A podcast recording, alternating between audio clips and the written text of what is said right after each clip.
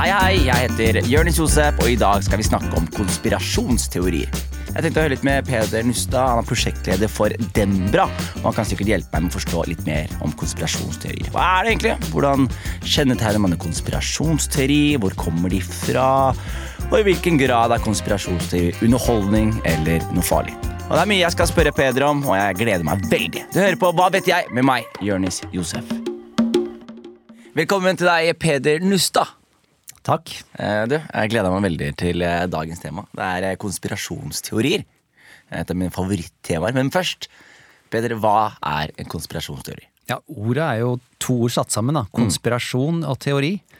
En teori vet vel de fleste hva er.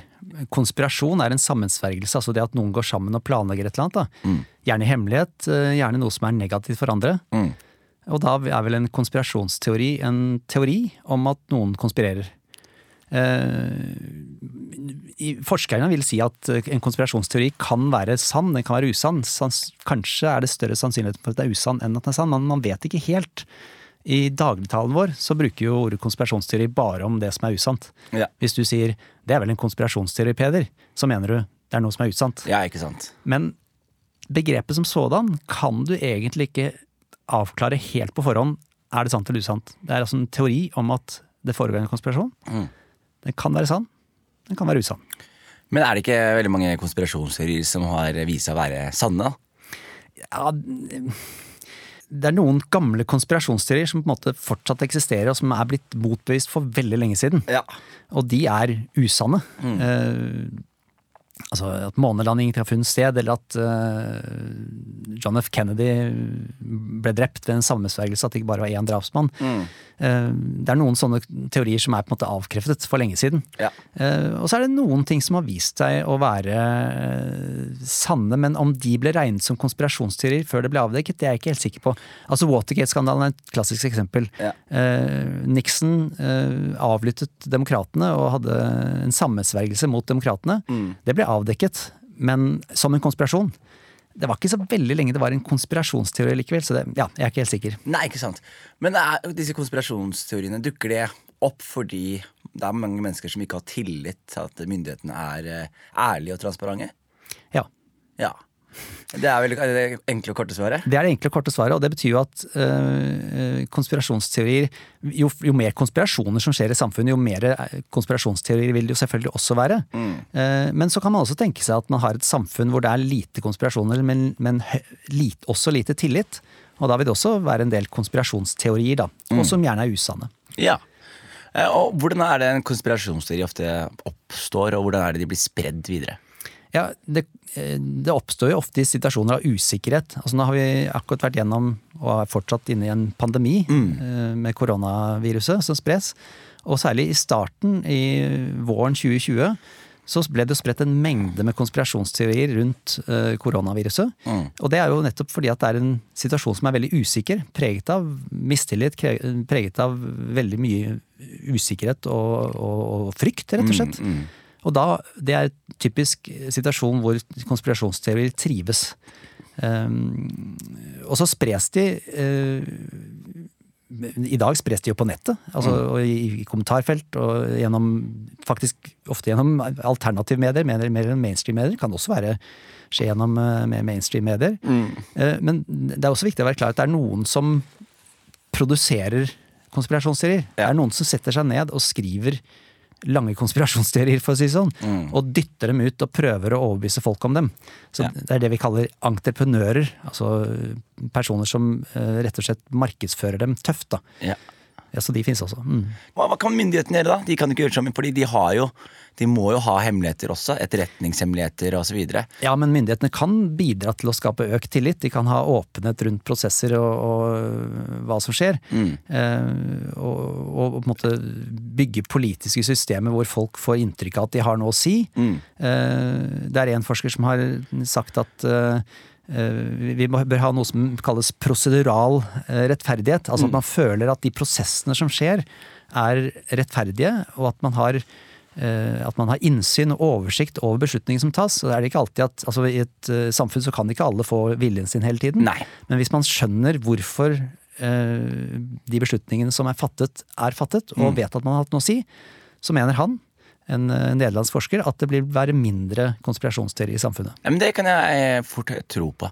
Men jeg føler at det har vært en sånn stor endring i, i konspirasjonsverden, om du vil. da.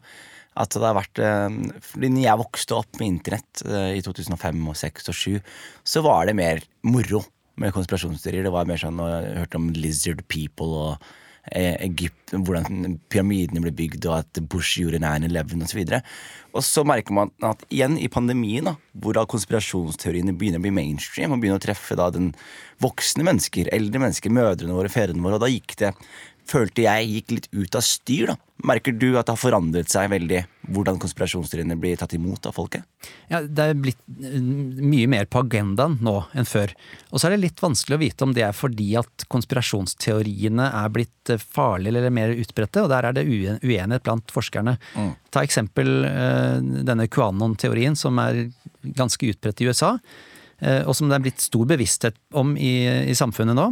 Eh, noen vil si at her er den økende tilslutning til den teorien. Andre vil si at ja, men den, den er ny, men forestillingen baserer seg på det at det finnes en elite som styrer, og som har en sånn satanistisk klubb av barnemisbrukere.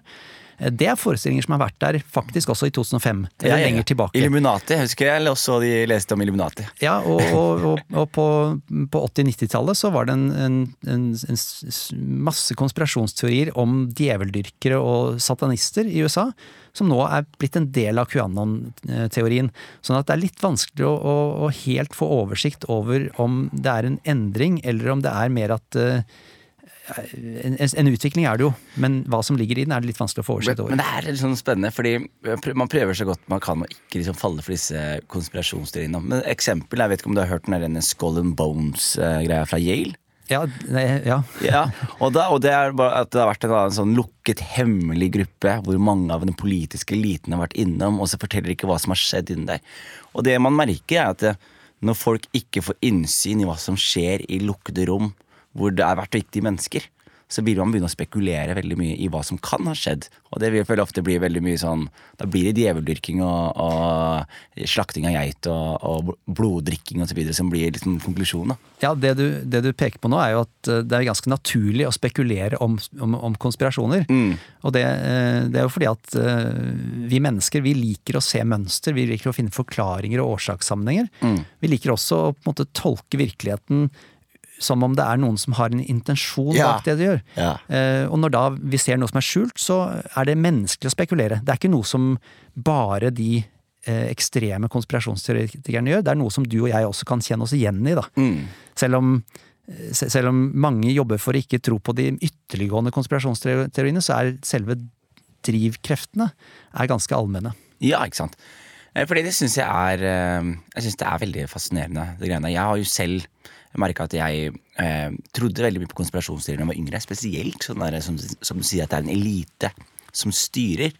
Og det var vel ikke før jeg ble litt eldre og virkelig eide tanken om at det er ingen som styrer, og det er ingen som veit noen ting, og vi bare er mange mennesker som går eh, ingen, ingen, styrer sjappa, da. Men det er, også, det er nesten en skumlere tanke, det. Å tenke at ingen styrer enn at det er noen som styrer. Ja, er du blitt en tilfeldighetsteoretiker, da?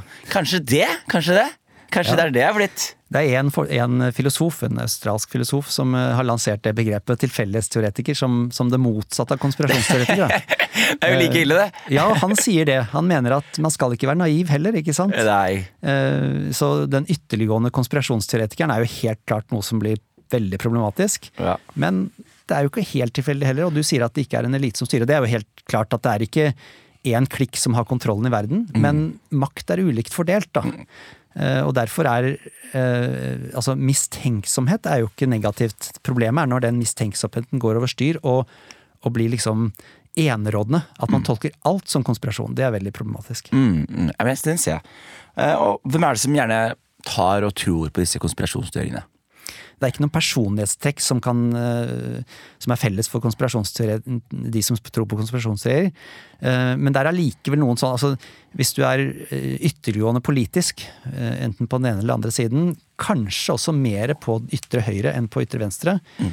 så er det litt større sjanse for at du tror på konspirasjonsteorier. Hvis du eh, tror på magisk tenkning, som de kaller det, da, så det kan skje eh, usynlige krefter som styrer verden på en eller annen måte, så er det litt større sjanse for at du står på konspirasjonsteorier. konspirasjonsteorier. Hvis du har mistillit til byråkratiet og det politiske systemet, føler deg marginalisert, så er det litt større sjanse for at du tror på konspirasjonsteorier. Ja, og det er Nei, jeg tenker bare at det, Hvis du driver vanlig politikk, så vil det alltid være noen som har misnøye, og Ja. alltid vil være noen som er på andre siden av den politiske beslutningen som blir tatt. da. Ja, og det, det er også pekt på, særlig kanskje fra USA igjen, da, at, eh, at eh, konspirasjonsteorier har også en partipolitisk eh, element. Altså Ja. at når, når Trump vinner, så er det, øker konspirasjonsteoriene blant demokratene. Når Biden vinner, så øker konspirasjonsteoriene blant republikanerne. Mm. Eh, Sånn at det er noe eh, Den tapende siden politisk eh, eh, tyr til konspirasjonsteorier i større grad, da. Ikke sant? Ikke alle, men noen. Ikke sant? Og du jobber i Dembra. Dembra er vi, demokratisk beredskap mot rasisme og antisemittisme. Vi jobber med skoler. Du jobber med skoler. Fordi det lurer jeg på, Hvis en venn av meg har falt i kaninhølet, eller noen jeg er glad i har falt i kaninhølet, hva eh, kan jeg gjøre for å hjelpe dem ut av det, eller eh, Jeg tenker- Ja. Ja, jeg tenker huske på at du er glad i en, da. -hmm. Akkurat som du sa, hvis du er glad i en, så er det et kjempegodt utgangspunkt. Så ikke bryte relasjonen, eh, men heller gjøre ting som er Gjøre, det, gjøre ting som, sammen med vedkommende som bygger relasjonen deres. Mm. Eh, For jeg tenker altså, Det er jo også nivåer på, på hvor eh, paranoid man begynner å bli. da. Hvis noen ruller hodet rundt i aluminiumsfolie og er redde for at eh, myndigheten skal hacke hjernen deres, eller hvis noen driver og lefler litt med at de ikke tror helt på vaksinen, er det, er det, hvor skal man liksom begynne å, å, å bli engstelig? Det, er- der er det jo også uenighet blant forskerne. Fordi tradisjonelt så er det mange som er opptatt av hva som er rett og eh, Altså riktig eller eh, falskt, da. Eh, Men jeg tror kanskje at det er interessant å tenke gjennom hva er liksom etisk forsvarlig eller ikke? Altså Når er det en konspirasjonsteori går utover noen grupper? Når er det noen som rammes? Og det klassiske eksempelet er jo eh, jødene. En ekstremt mangfoldig fol folkegruppe som er spredt over hele verden og har veldig stort mangfold, men hvor det har eksistert en forestilling om at jøder ønsker verdensmakt. Og det er en konspirasjonsteori som rammer jøder her og nå. Og da kan vi si da er den problematisk. Ja. Eh, og eh, farlige konspirasjonsteorier i dag er et eksempel som henger sammen. Eh, forestillingen om at om white genocide, eller hvitt folkemord, om at det foregår et sakte folkemord på den hvite i gåseøyne rase. Eh, og en, en, en, en teori som er eh, nært tilknyttet, nemlig teorien om eh, den store utskiftingen, altså the great replacement. Altså at, at den hvite befolkningen skiftes ut med, med andre folkegrupper. Dette er konspirasjonsteorier som er farlige, og som har begrunnet mye terror. Eh, Anders Behring Breivik eh, begrunnet sin terror med Eurabia-teorien, som er en sånn tidlig utgave av white replacement. Det er jo også litt det der å, å eh, det, jeg- det jeg har savna litt, er at man tar også disse konspirasjonene litt på alvor. Da. Er det en løsning for andre ting å bare, mm, bare så fort en teori som canon kommer opp, at man tar det seriøst og legger fram bevis på at dette her ikke stemmer? Ja, altså, og, og det er ofte vanskelig å begynne å ha en sånn bevisdiskusjon, for mm. de færreste av oss går rundt og har mye, masse sånn eh, kunnskap om fenomenene, men å ta anliggende og, og på en måte eh, bekymringen til den man snakker om på alvor, eh, tror jeg er veldig viktig. Og, og også minne seg selv på, minne at læreren minner seg på, at vi alle minner oss på at at eh, vi er i samme båt på et vis. Eh, jeg er også et menneske som har de samme behovene som en, en som tror på de villeste konspirasjonsteoriene. Så, så, så jeg kan også prate med vedkommende. Eh, ja. Eh, Fordi jeg syns jo at konspirasjonsteorier er ganske morsomme. Jeg underholdes veldig av det. Jeg fant en teori nylig eh, på internett om at eh, mange mener at Finland som en nasjon ikke finnes. At det er Russland og Kina som har konstruert Finland for å ha kontroll på det baltiske hav. Det syns jeg er veldig morsomt. da. Er det farlig at man finner dette underholdende, eller er det, kan det bare være god tilgang til underholdning? Nei, det er, det er jo faktisk også en, en forsker, en ungarsk forsker som mener at det å ha litt eh, humor knyttet til konspirasjonsteorier kan være med på å, å, å gjøre dem mindre attraktive. Eh, utfordringen med det er jo at du nettopp gjør eh, konspirasjonsteoriene til noe annet. Du, De som da virkelig tror på dette her, de blir, det blir vi og de. Ja. Eh, Og det er jeg veldig kritisk til. Mm. Det er veldig viktig at vi opprettholder eh, forståelsen av at vi alle sammen er ett samfunn. At det ikke er vi som ikke tror på konspirasjoner, og de som tror på konspirasjoner. Mm. Fordi da, da det, det fører til splittelse og mindre troverdighet. Og de som tror på konspirasjonsteorier, er helt overbevist om at de kan se opp verden for det det er. Nettopp. Og det gjør ikke vi. Nettopp. Ja, det synes jeg er Hvordan er det i Norge, da? For veldig mange av konspirasjonsteoriene som jeg alltid hører om, er ofte sånn 9-11 og CIA og Europa og Illuminati og Rockefeller og alle de tingene der. Hva, hva er status i Norge? Hvilke teorier er det som har grobunn her? på en måte? sånn kvantitative data fra Norge. altså Det er ingen som har øh, gjort undersøkelser på hvor mange i Norge som tror på ulike konspirasjonsteorier osv. Mm. Men det er data på Sverige. Ja. Og i Sverige så virker det som om nivået på konspirasjonstenkning, eller altså sånn eh, konspirasjonsteorisk tiltrekningskraft, er lavere enn i mange andre land. Mm. Og faktisk også eh, at det er et velferdssamfunn med, med høy grad av sosioøkonomisk eh, velferd. Mm. Uh, Og det ligner jo litt på Norge, så ut fra det kan man tenke at nivået av konspirasjonstenkning er lavere i Norge enn i andre land, kanskje. Ja, og så har jeg sett nå på internett siste årene at det har vært et forsøk på å regulere konspirasjonsteorier ved å fjerne videoer eller legge disclaimers eller fjerne på en måte folk som legger ut videoer hyppig osv.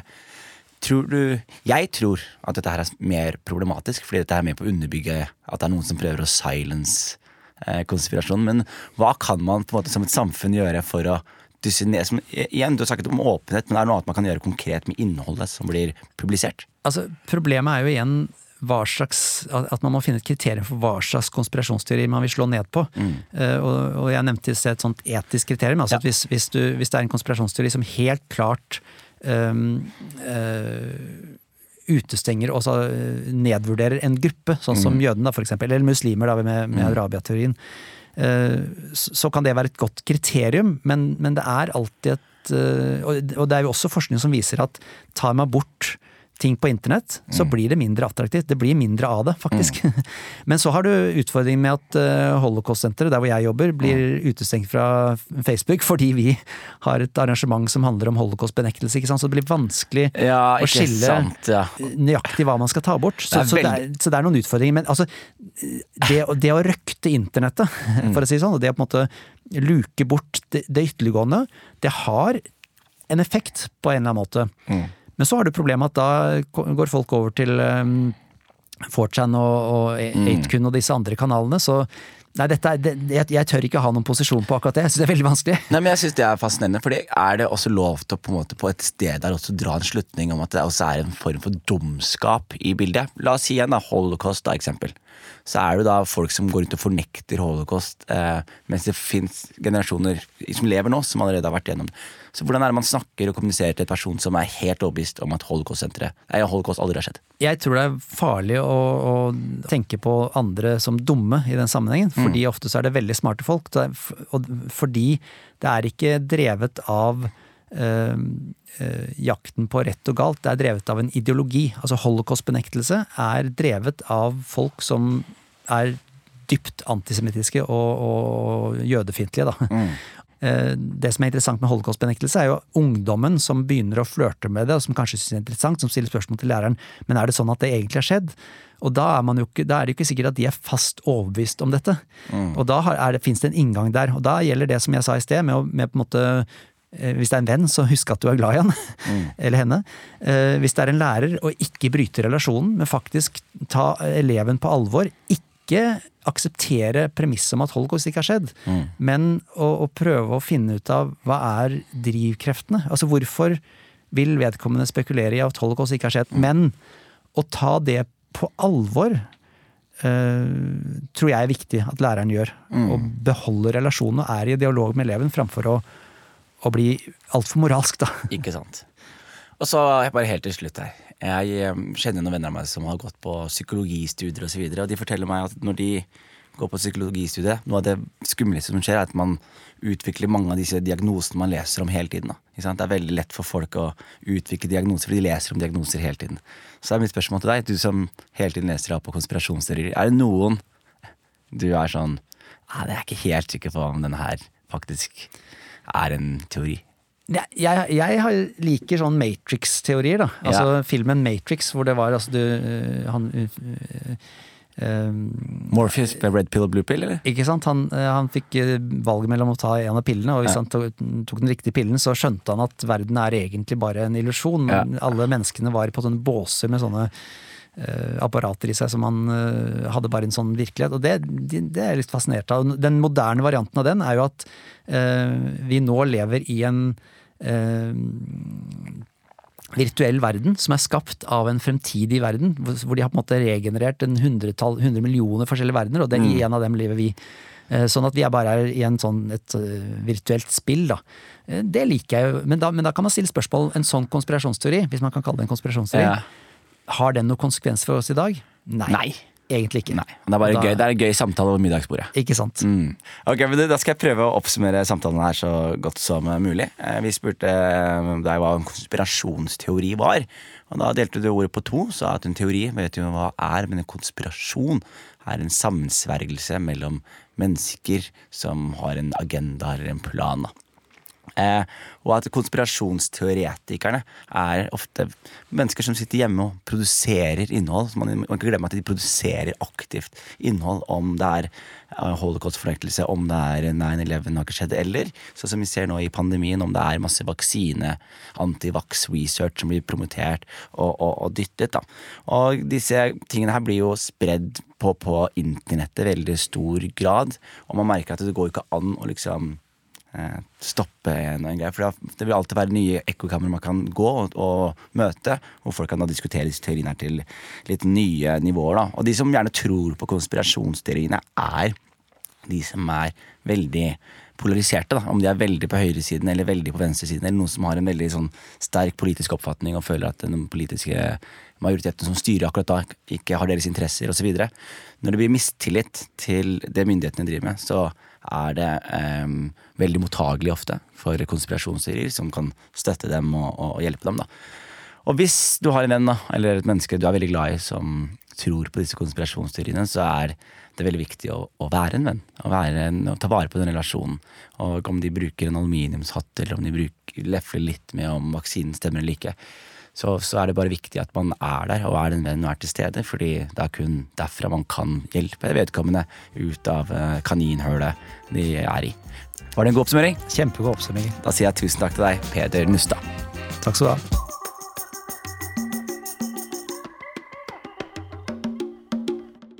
Produsert av både og for NDLA.